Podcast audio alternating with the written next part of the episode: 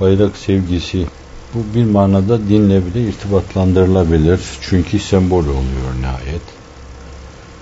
Ta ilk saftaki insanlardan itibaren günümüzdekilere kadar en canlı misaliyle de Çanakkale'ye kadar bayrağa ciddi saygı duyulmuş. O birliğin, beraberliğin millet ruhunun dalgalanması şeklinde algılanmış. Kadimden itibaren savaşlarda hep o bayraktarlar önde durmuşlar. Kumandanlar ya bayrağı taşımışlar ya da yanlarındaki insan taşımış. Onun yere düşmemesine çok önem verilmiş. Bayrak ancak onu taşıyan insanın yere düşmesiyle düşmüşse yere düşmüş ve hemen kaldırılmış. Hep öyle olmuş öteden beri. Başka milletlerde de vardır da fakat bizde farklı bir şey bu. Kültürümüzün ciddi kale almamazlık edemeyeceğimiz bir parçası haline gelmiş. Hatta kutsal değerlerimiz arasına girmiş. Bir münasebetle röportajda da ifade ettiğim gibi belki muhasırımız batılı dünyada böyle bir telakki yok. Dolayısıyla bir toplantıda şahısların yerlerini belirlemek için yere bayrak koyuyorlar. Bizimkiler bayrağı kaldırdılar. Öyle bir şey daha evvel görmemişlerdi. Öyle bir şey bilmiyorlardı.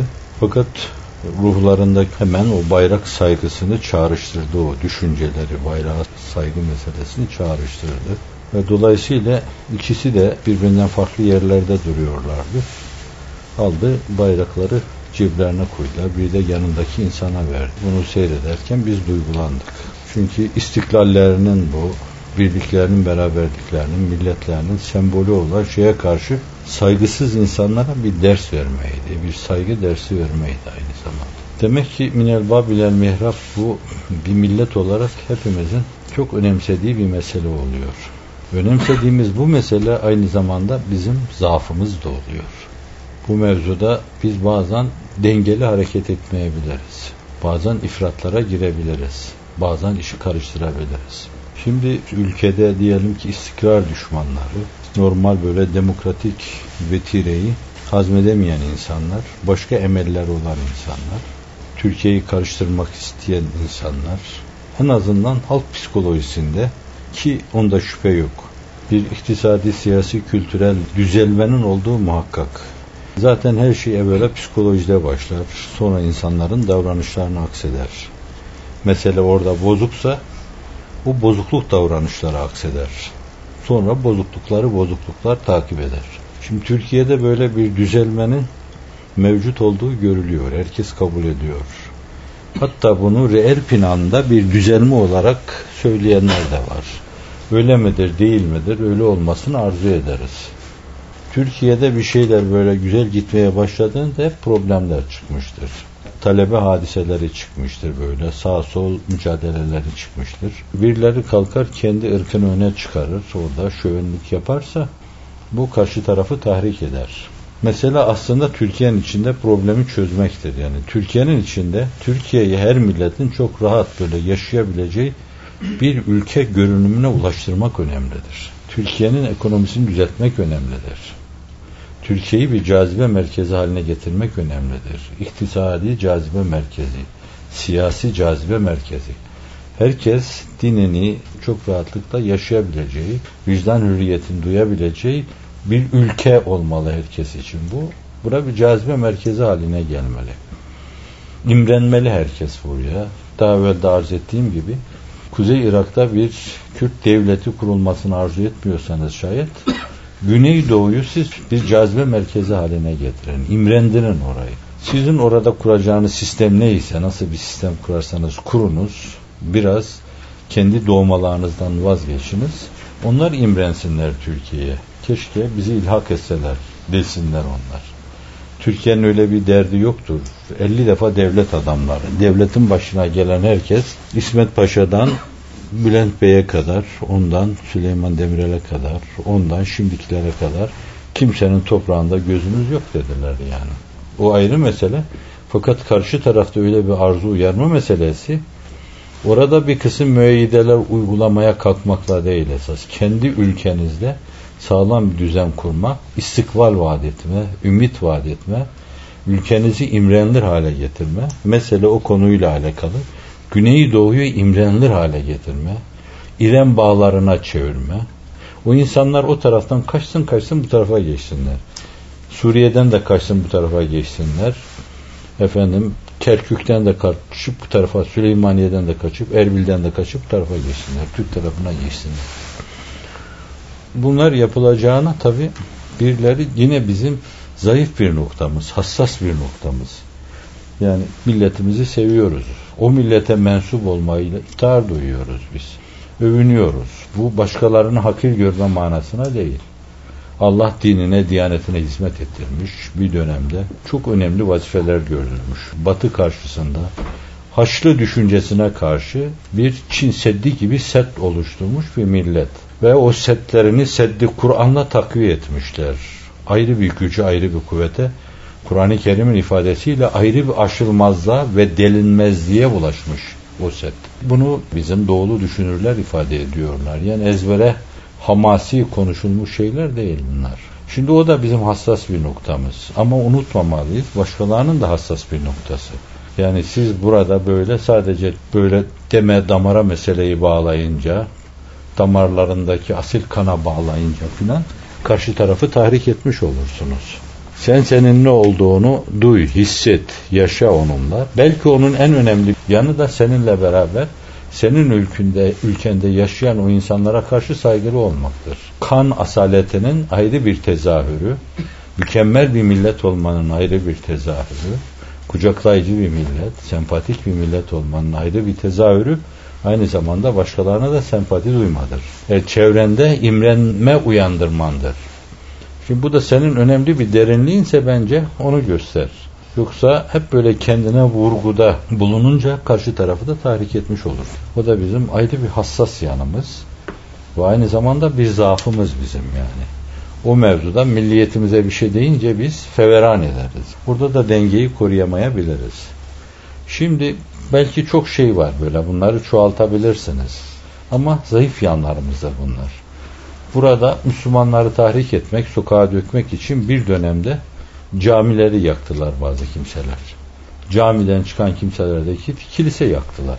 İşte o zaman büyür o iş.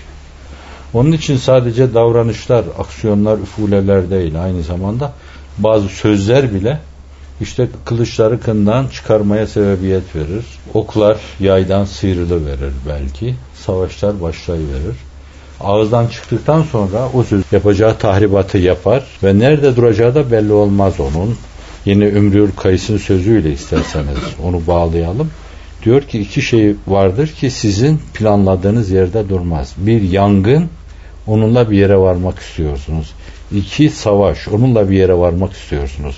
Başlatırsınız, planlarsınız fakat istediğiniz yerde durmaz bunlar.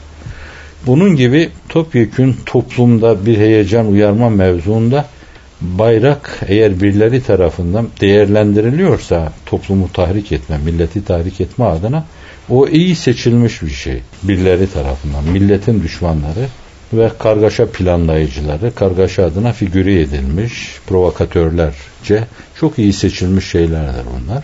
Şimdi bayrak daha şumurlu bir mesele. Mesela bir istiklal marşına hakaret etme, bayraktan sonra çok önemli bir meseledir. Kur'an'a karşı da yaparlarsa Kur'an topyekun bir milletin saygı duyduğu bir şeydir. Siz biliyorsunuz ki Hristiyanlaştırmaya karşı işte o yaygınlaştı böyle misyonerler falan denince belki hayatında hiç namaz kılmayanlar bile benim ülkemi nasıl Hristiyanlaştırırlar diye karşı koydular. Yani ille de bir dinim olacaksa benim Müslümanlık olur falan. Bunlar çok hassas konular.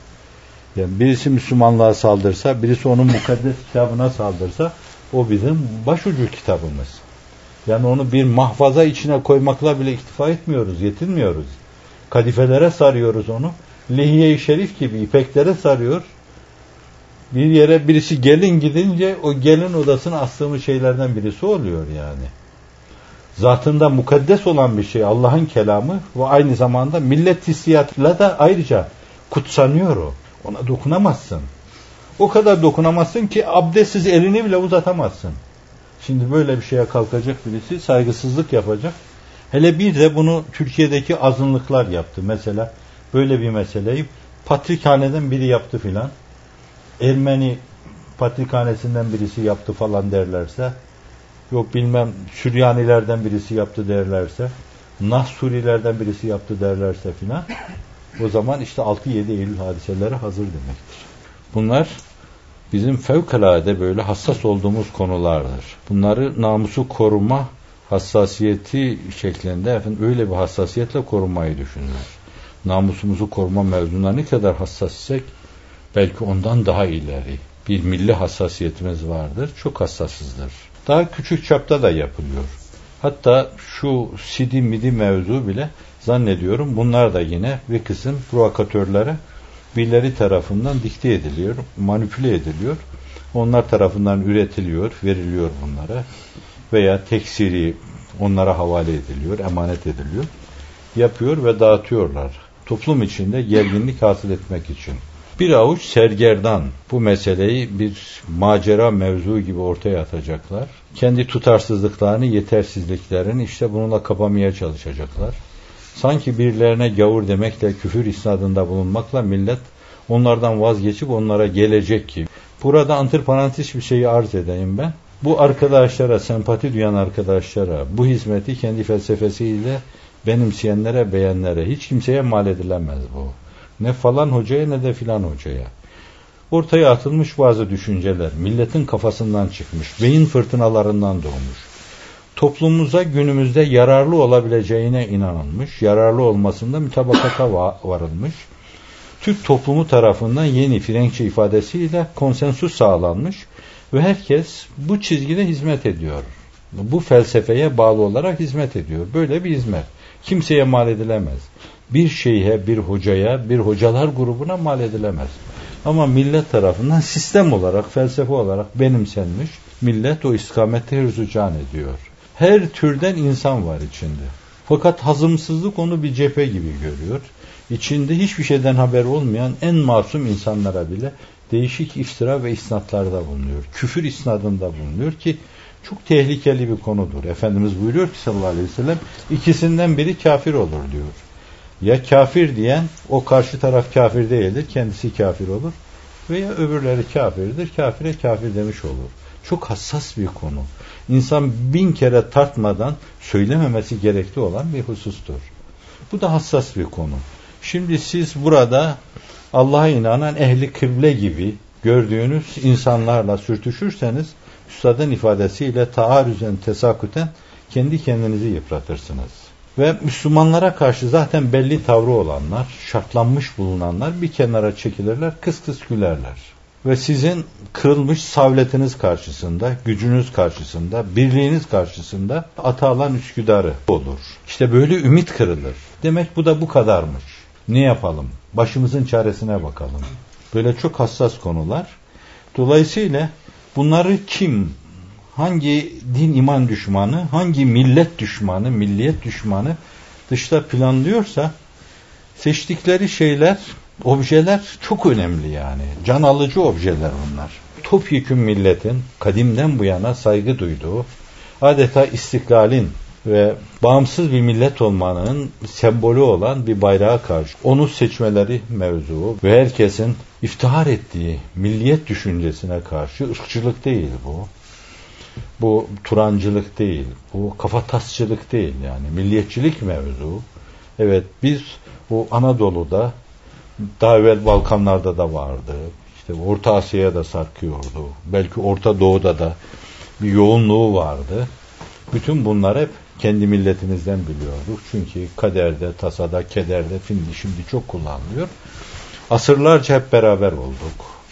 Milletimiz adına ve İslamiyet adına mücadele verdik. Hep beraber öldük, beraber gömüldük. Çanakkale'deki o şühedayı Allah aziz kılsın, ruhlarını aziz kılsın onlar. Şimdi açsanız mezarlığını kim kimle yattığını görürsünüz orada. Yani birisi Suriye'den gelmiş, bilmem Hasan İbni Hüseyin falan. Öbürü Türkiye'de Yozgat'ın bilmem hangi köyünden gelmiş insanlar sarmaş dolaş olmuş yatıyorlardır orada. Aklıma bu hadise bir şey daha getirdi. Bir densiz adam da kalktı orada. Çanakkale'deki şehitleri siz birine karşı alternatif olarak düşünüyorsunuz demek küstahlığında bulundu. Sen metafizik mülahazalara inanmıyorsun, ruha inanmıyorsun, şehitlik nedir ona inanmıyorsun. Abe küstah. Binlerce insan senin gözün kapalı. O şehitlerle alakalı ne harikulade şeylere şahit oldular. Sadece ben değil, sadece sen değil, sadece o değil. Binlerce insan şahit oldular. Sen Allah'a inanmıyorsan, öldükten sonra dirilmeye inanmıyorsan, ruhun bekasına inanmıyorsan, şehitliğin ne demek olduğuna inanmıyorsan, kendine bir kafir mezarında yer ara derim ben. Şimdi bu da çok hassas bir konu. Sen milletin Çanakkale ruhuyla dolmuş, oraya gittiğinde orada savaşan o şehitlerin ruhunu yaşayan insanın yanında böyle küstahça bir şey yapacaksın. Bir film çevireceksin, bir senaryo yazacaksın, bir gazeteye aksettireceksin bunu. Orada o gazeteyi alıp yırtmakla beraber seni de ayaklarının altına alır çiğnerler. İşte bir provokasyon bu. Demek ki çok değişik kanallardan Türk toplumu içinde kargaşa çıkarmak için kimi Hindu, kimi yamyam, biri kimi bilmem ne bela. Eskiden milletin üzerine toptan böyle cephe birliği yapıp geldikleri gibi şimdi de provokasyon adına geliyorlar. Biri senin bayrağını iki tane sergerdan çocuğun eline veriyor. Zıplayın bunun üstünde diyor. Bereket millet basiretli hareket ediyor yani. O milletin orada o çocukların başına yığılıp onları çiğnemeleri de var. Fakat millet çok basiretli. Bin barekallah. Ve orada barekallah bir polis yetişiyor, alıyor onu. Hem bayrağa saygısını ifade ediyor, hem de orada ciddi bir kargaşa yaşanmasına meydan vermiyor. Şimdi bu bizim hassas yanımız. Yani ben olsaydım ne yapardım orada? Zannediyorum çok şefkatli, çok merhametli davrandığım halde onlara öyle şiddetli iki tane yençeri tokatı atardım ki bir daha doğrulamazlardı. Düşüneceksin topyekün sen bir milletin hissiyatıyla oynuyorsun. Hissiyatını tahrik ediyorsun. Ve diğer şey de öyle yani. Milliyetçilik dediğin zaman işte birisi kalkıp ona karşı çıktığı zaman icabında palalar da sıyrılır, satırlar da sıyrılır, baltalar da sıyrılır. Canım onların yeri başkasıdır yani. Biz onları bir dönemde ırzımızı çiğnemeye, namusumuzu paymal etmeye gelen Çanakkale'deki o yamyamlara karşı kullandık. O da devlet haydi yürüyün falan dediği zaman görünür. Sen kendi kendine karar veremezsin. Senin bir devletin vardır. idarecilerin vardır. Onların gözünün içine bakarsın. Onlardan gelecek fermana bakarsın. Ona göre hareket edersin. Kendi kendine onları teker teker koruma meselesi sana düşmez. Burada meseleyi şuna getirelim yani. Şimdi birisi bayrağa karşı saygısızlık yapıyor. Elinden geliyorsa sen onu tut, emniyet mensubuna teslim et. Türkiye bir hukuk devleti. Orada adliye vardır. Orada emniyet teşkilatı vardır. Orada mülkiye vardır. Yakından birisini çağırsın. Her küstahın cezasını verecek sistem vardır. Şimdi ulu orta şu bu kalkar biraz maksada aşan laflar ederlerse bu defa karşı tarafı tahrik ederler. Bir kere siz tahrik edilmişsinizdir. Bayraktan ötürü tahrik edilmişsinizdir. Böyle çok dengeli de konuşsanız en baştaki insanlar bile bazen dengeyi kaçırabilirler orada. Bu bayrağı böyle yapanlar kahrolsun, bunlar yerin dibine bassın falan dediğiniz zaman siz orada sözlerinizi ayarlayamazsanız böyle pek çoğu itibariyle ümmi fakat saygılı, değerlerine karşı saygılı bir milleti tahrik edebilirsiniz. Artık önüne kim gelirse çiğner onu. Hafizan Allah. O da bir kargaşaya sebebiyet verir. Balkanlarda bu türden bazı hadiselerin zuhuru sonucu devleti aliyenin icraatına batılıların müdahale hakkı doğmuştur. Biz böyle gül gibi geçindiğimiz dönemlerde hiçbir problem yoktur. Ne zaman ki böyle karşılıklı tahrikler olmuş ve bizimkiler de tedbirlere başvurmuşlar. Bunların sesini keselim demişler. Ondan sonra Batılılar bize müdahale hakkı doğdu demişlerdir. Ve koskocaman devletler muvazenesindeki bir devlete aliye paramparça olup gitmiştir. Yani bir yerde başlar görürsün onu. Şurada belki biter diye düşünürsün ama fakat tahminin gibi çıkmaz o. Çok ileriye gider hafizan Allah. Azıcık vur az dokun falan deyince ama öldürme var ya onun gibi bir şey. Burada da böyle bir bayrak saygısı filan dersiniz. O mevzuda sesinizi, sözünüzü, ifade tonunuzu ayarlayamazsanız şayet başkalarını tahrik etmiş olursunuz. Önünü alamayacağınız fitnelere sebebiyet verebilir.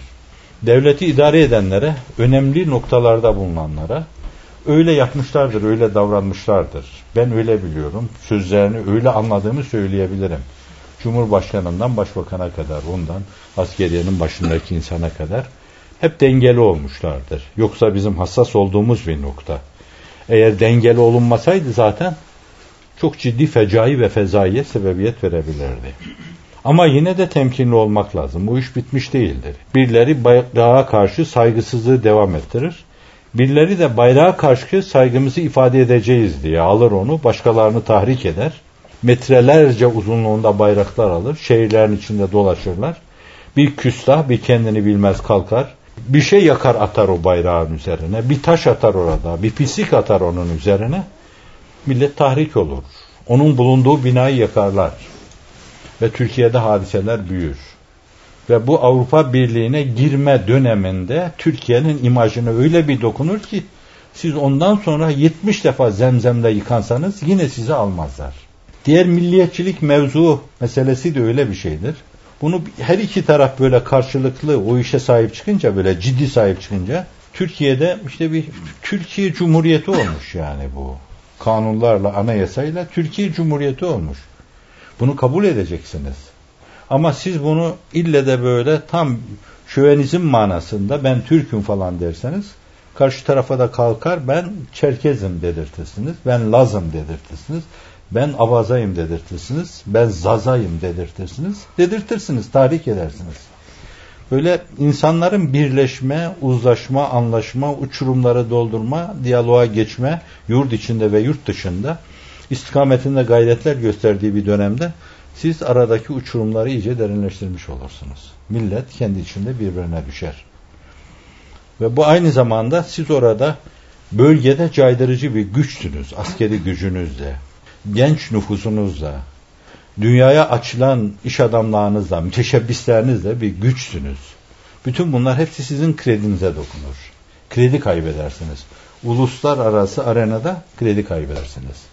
Bu sizin iktisadi, siyasi, kültürel hayatınıza tesir eder. Olunca işte iki millet gibi olan bu insanlar birbirlerine karşı o biraz daha katı milliyetçilik yapar, öbürü biraz daha katı milliyetçilik yaparsa vuruşma ve sürtüşme hazır demektir. Tahrike hazır demektir. Akşam bir arkadaşımız anlatıyor. Böyle Erzurum gibi Saltukların merkezi bir yerde dahi şimdi çok ciddi gerginlikler yaşanıyor varoşlardaki bazı insanlar orada ciddi gerginliklere sebebiyet veriyorlar. Bir sulhun, bir huzurun diyarıydı yani. Benim çocukluğum onun içinde neşet etti. Avucumun içi gibi bilirdim orayı. Camilerle balep dolardı. Ramazan'da herkes oruç tutardı. Kimse kimseye dokunmazdı. Medine gibi bir yerdi yani. Şimdi o insanların birbirlerine karşı tavırları demek ki bir kısım provokatörler birileri tarafından harekete geçirildiler toplumun bir kesimini diğer kesimiyle karşı karşıya getiriyor. Hasılı bayrak gibi topyekün milletin saygı duyduğu hususların bu türlü şeylerde bir vasıta olarak kullanılması bu mevzuda fertlerin bir şey yapmasına meydan verilmemeli. Fikir beyanında bulunan, beyanatta bulunan insanlar, yazı yazan kimseler, gazetelerde köşe yazısı yazan kimseler çok dikkatli konuşmalı, çok dikkatli yazmalı toplumun hiçbir kesimini tahrik etmemeli, hiçbir kesimini de tahkir etmemeliler. Ne kimse hafife alınmalı. Bunu yapan iki üç tane sergerdan çocuksa koskocaman bir bölgede milletine karşı bağlı, samimi, yürekten yaptığınız her şeyi kabullenen bir millet var. Onlara karşı saygısızlık olur. Sizin Allah'ınıza inanan, sizin peygamberinizi kabul eden, sizin kıblenize yönelen, sizin namazınızı kılan, sizin eğitim sisteminizde eğitim gören, ve aynı zamanda istediği her yere gelebilen, başbakan olan, cumhurbaşkanı olabilen, genelkurmay başkanı olabilen insanlar yetişiyor yani. Şimdi koskocaman bir toplum var yani. Topyekun bu toplumu karşına alacak mahiyette bir üslup, bir ifade tarzı bunlar yakışıksız şeylerdir. Milli hisler açısından da öyle ve diğer taraftan Sidiler konusu da söz konusu olabilir. O da bir tahrike matuftur. Ben zannediyorum Türk insanı insaflıdır. Bir kısım insafsızlar tarafından ortaya atılan bu şeyin arkasındaki elleri değişin, perde arkasını anlamıştır zannediyorum. Suyu niyetlerini de anlamışlardır. Onların esas perde arkasındaki çirkin yüzlerini de görmüşlerdir. Oyuna gelmeyeceklerdir Allah'ın izni inayetiyle. Çok hassas bir dönemden geçiyoruz.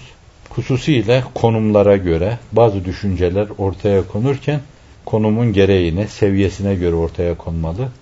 Bizim gibi sıradan insanların konuşması türünden atmasyon, beyanlarla mülazalar ifade edilmemeli. Ciddi, temkinli, ölçülü konuşulmalı. Hiç kimsenin hissiyatı rencide edilmemeli.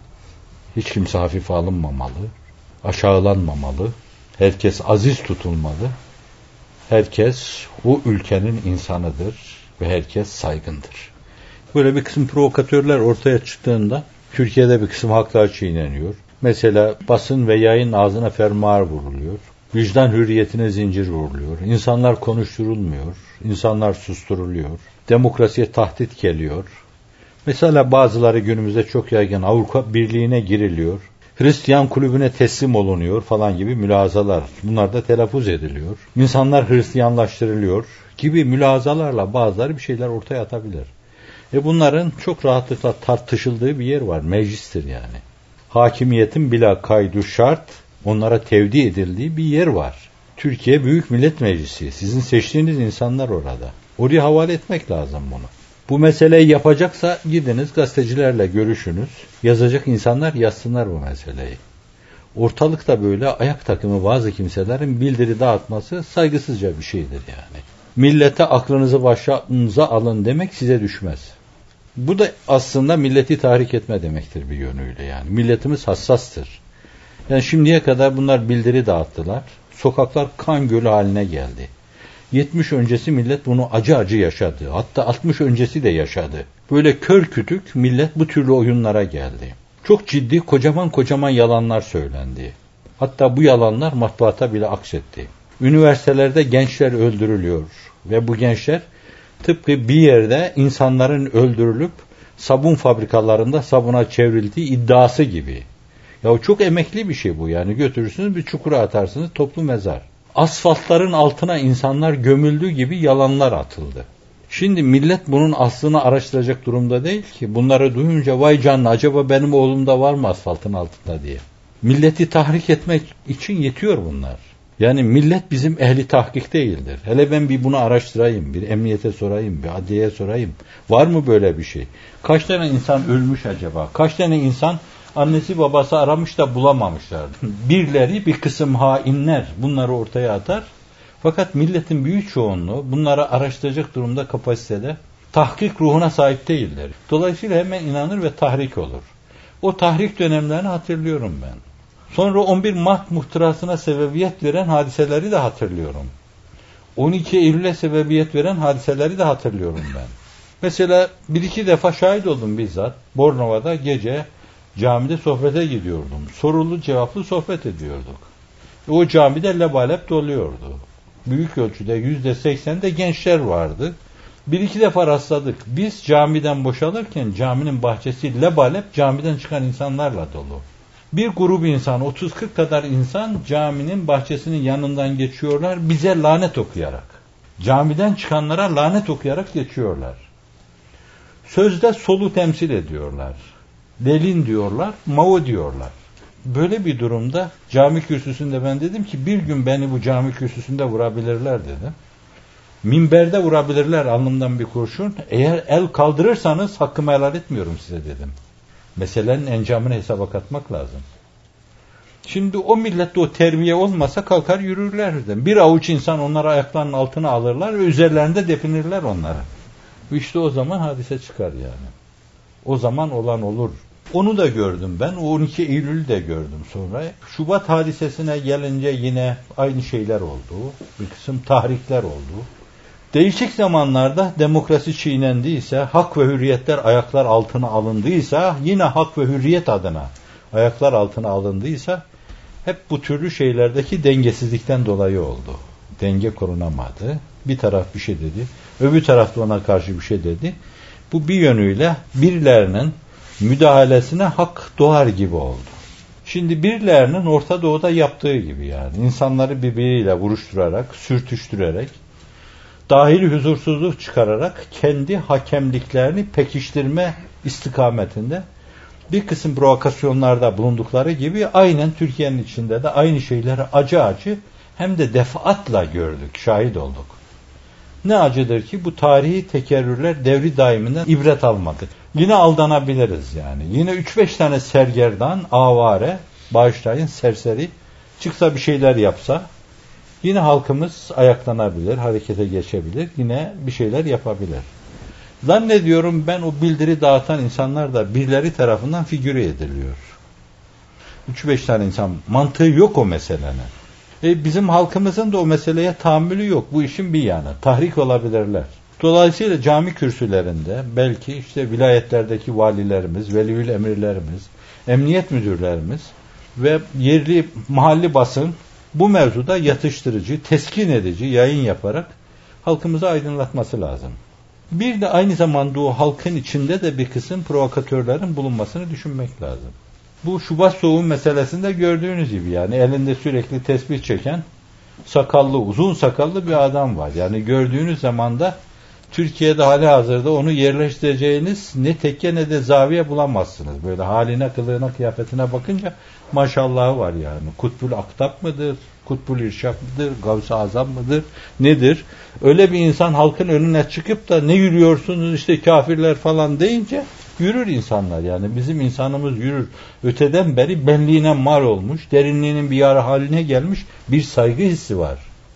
Bundan dolayı yürür. Ne malum o halkın içinde de bir kısım provokatörlerin bulunmadığı.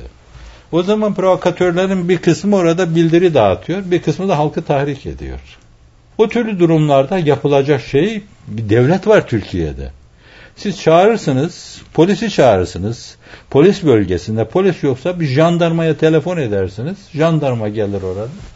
Gayet yumuşakça ellerinden tutar, götürür, hesap verirler orada olur biter bu mesele. Yani doğrudan doğruya siz tecziye etmeye kalktığınız zaman kanunsuzluk olur o. Kanunsuzluk kanunsuzluk doğurur. Kanuna karşı çıkmamak lazım. Kanunun gücünü arkanıza almanız lazım. O zaman yatıştırıcı olursunuz. Yoksa herkes kendi kafasına, kendi hissiyatına göre ihkaka hak etmeye kalkarsa işte Orta Doğu'da, o bölgede çok geniş bir coğrafyada cereyan ediyor. Kimisi hakkını almak için canlı bomba oluyor. Kimisi arabalara bomba doldurup bir yerde patlatıyor. Böyle karma karışık. Ve herkes kendi felsefesine, kendi inancına göre yapıyor bunu. Müslümanlıkta bunların yeri yoktur. Öyle yapamazsınız. Bir şey yapılıyorsa götürürsünüz, sahibine teslim edersiniz onu. Sahibini çağırırsınız. Hırsızlık yapıyor, tutup adamı öldüremezsiniz. Yolda yakalayıp adamın elini kesemezsiniz. Size düşen şey orada kolluk kuvvetlerine haber vermektir. Gelsin, alsın, tutsun, götürsün, hesabını sorsun. Böyle değişik yönleriyle meseleyi bir hukuk devletine yakışır şekilde halletme varken kendimiz halledeceğiz diye bazı teşebbüslere kalkmamız bence kargaşaya sebebiyet verir. Kargaşadan nizama gidilmez. İlle nizamdan daha mükemmel bir nizama yürümeyi düşünüyorsanız yine nizam içinde kalmanız lazım. Nizamın kurallarını değerlendirmeniz lazım. Nizamla nizama yürümek lazım. Bazen acz bu mevzuda gayri nizami hareket etmeye sevk etmiştir. Bazen başarısızlık sevk etmiştir. Bazen böyle istedikleri yere gelemeyenler, istedikleri kemmiyeti elde edemeyenler bu defa gayri nizami bir kısım hareketlerle kendilerini ifade etmeye başlamışlardır. Ve de bunların hepsi de değişik çapta kargaşaya sebebiyet vermiştir. Bildiklerimiz, tanıdıklarımız, sevdiklerimiz, bize sempati duyanlar ve bizim sempati duyduğumuz, sesimiz, sözümüzün ulaştığı herkese bence bu mülahazalarla ulaşmalı emniyetin ve asayişin yanında olduğumuzu aleme ilan etmeli. Çarenin bu olduğunu ısrarla vurgulamalı ve insanların kendi kendilerine İHKK hak etmeye kalkmalarına meydan vermemeli derim. Bu büyük ölçüde ricali devlet tarafından yapılmıştır, temkinli konuşulmuştur. Ama keşke herkes öyle konuşsa, herkes temkinli hareket etse, o türlü keşmekeşliğe sebebiyet verilmez. Şun doğrusu ben her zaman bu türlü provokasyonlardan kopmuşumdur. Mesela gitti diyelim Barla'da üstadın üstüne çıkıp orada evradı eskarını okuduğu bir ağacı kestiler. Bir saygısızlıktı bu. Fakat üstadı seven onun has talebeleri basiretli derler yani. Ben de bir arkadaşa haber gönderdim. Aman sakın yani bir şey yapılmasın orada. İlla ağaç nereye atıldı, nereye gitti, ne oldu falan demeyelim. Önemli değil. O zatın öyle bir şeyi yok. Üzerine çıkıp durduğu şey nostalji yani. Ve bizim bilemediğimiz şekilde kendine göre ona bir mana da atfediyor olabilir. Nitekim Ankara Muhakemesi münasebetiyle söylediği bir şey var. Bana deseler ki Ankara'da beraat edeceksiniz fakat şu ağacı keseceğiz, ağacı kestirmem ben diyor. Onun ona yüklediği bir mana var. Bunu isterseniz o ciz gibi kabul edebilirsiniz kendine göre. O Efendimiz'e ait peygamberlik çerçevesinde değer atfedeceğimiz bir şeydir. Bu da o mübarek zatın ömrünün bir kısmı üzerinde geçtiği bir şeydir. Bunu yapan kimseler koskocaman bir cemaatin hissiyatını ayaklarının altına almışlardır. Saygısızdır bu insanlar. Bu aynı zamanda eğer provokasyon mülazaları var idiyse şayet birilerini tahrik edersek bu işin hakkından o zaman geliriz. Bunları hep düşünmek lazım. Şimdi o mezarının bilinmesi bilinmemesi meselesi bile çok önemli bir faktör. O bilinir yerde olsaydı neler yaparlardı neler yaparlardı. Birkaçı gider orada birkaç tane provokatör orada mezarın başında bir şeyler yaparlardı orada. Mesela namaz kılarlardı. Mezara secde ederlerdi. Ve bir kere Diyanet nazarında, Diyanet camiası nazarında bakın neler oluyormuş adamlara bak. Kimi nereye koyuyorlar falan derler yani. Allah'tan başkasına secde edilmez. Gelir bir de orada müdahale ederler oraya. Birkaç Müslümanı tahrik ederler. Hakkı Müslüman gelir. Siz dinden çıkmışsınız der. Onlar da onlara karşı korlar. Arbede olur. Bir belde ayaklanır. Bu hazret meseleleri öyle derinden görüyor ki benim mezarımı bir iki talebemden başka kimse bilmesin diyor. Vefat edince Urfa'ya gömüyorlar, yer yerinden oynuyor. Bir sürü insan, binlerce insan gidiyor oraya. Has talebelerinden birisi bana anlattı. Dedi ki üstad böyle diyor ama nasıl olacak ki bu herkes bilir. Allah birilerine zulüm yaptırıyor. O zulmedenlerin eliyle onun dediğini yerine getiriyor. Onlar bir gece gidip mezarından onu çıkarıyorlar, götürüp bir meçhule gömüyorlar. Bilmem ki bir iki talebesi biliyor mu, bilmiyor mu? Biliyorlarsa onlar da onu bir namus sayarak sır vermezler. Çok hassas hususlar bunlar. Milletin birliği, bütünlüğü, onun içinde bir kargaşanın yaşanmaması çok önemli şeylerdir bunlar. Milleti sevenler böyle düşünür. Ben o ağacın kesilmesinde de üstadın talebelerine bin Allah dedim. Matbuat yoluyla bile hissiyatlarını ifade etmediler. Olursa olgunluk bu kadar olur.